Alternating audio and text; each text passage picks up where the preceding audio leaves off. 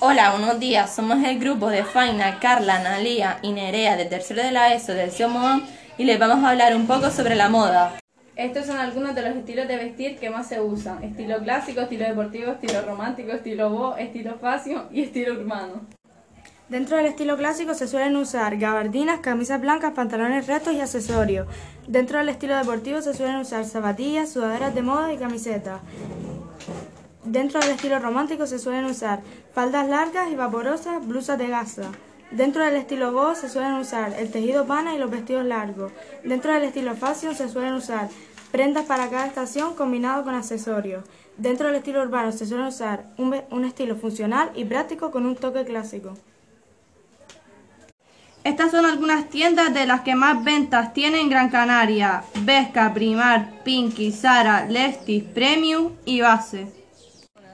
Estas son algunas de las marcas usadas actualmente. Adidas, Lacoste, Calvin Klein, Levi, Puma, Reebok, Champion, Fila, Nike. Y hasta aquí ha llegado nuestro primer podcast y espero que les haya gustado.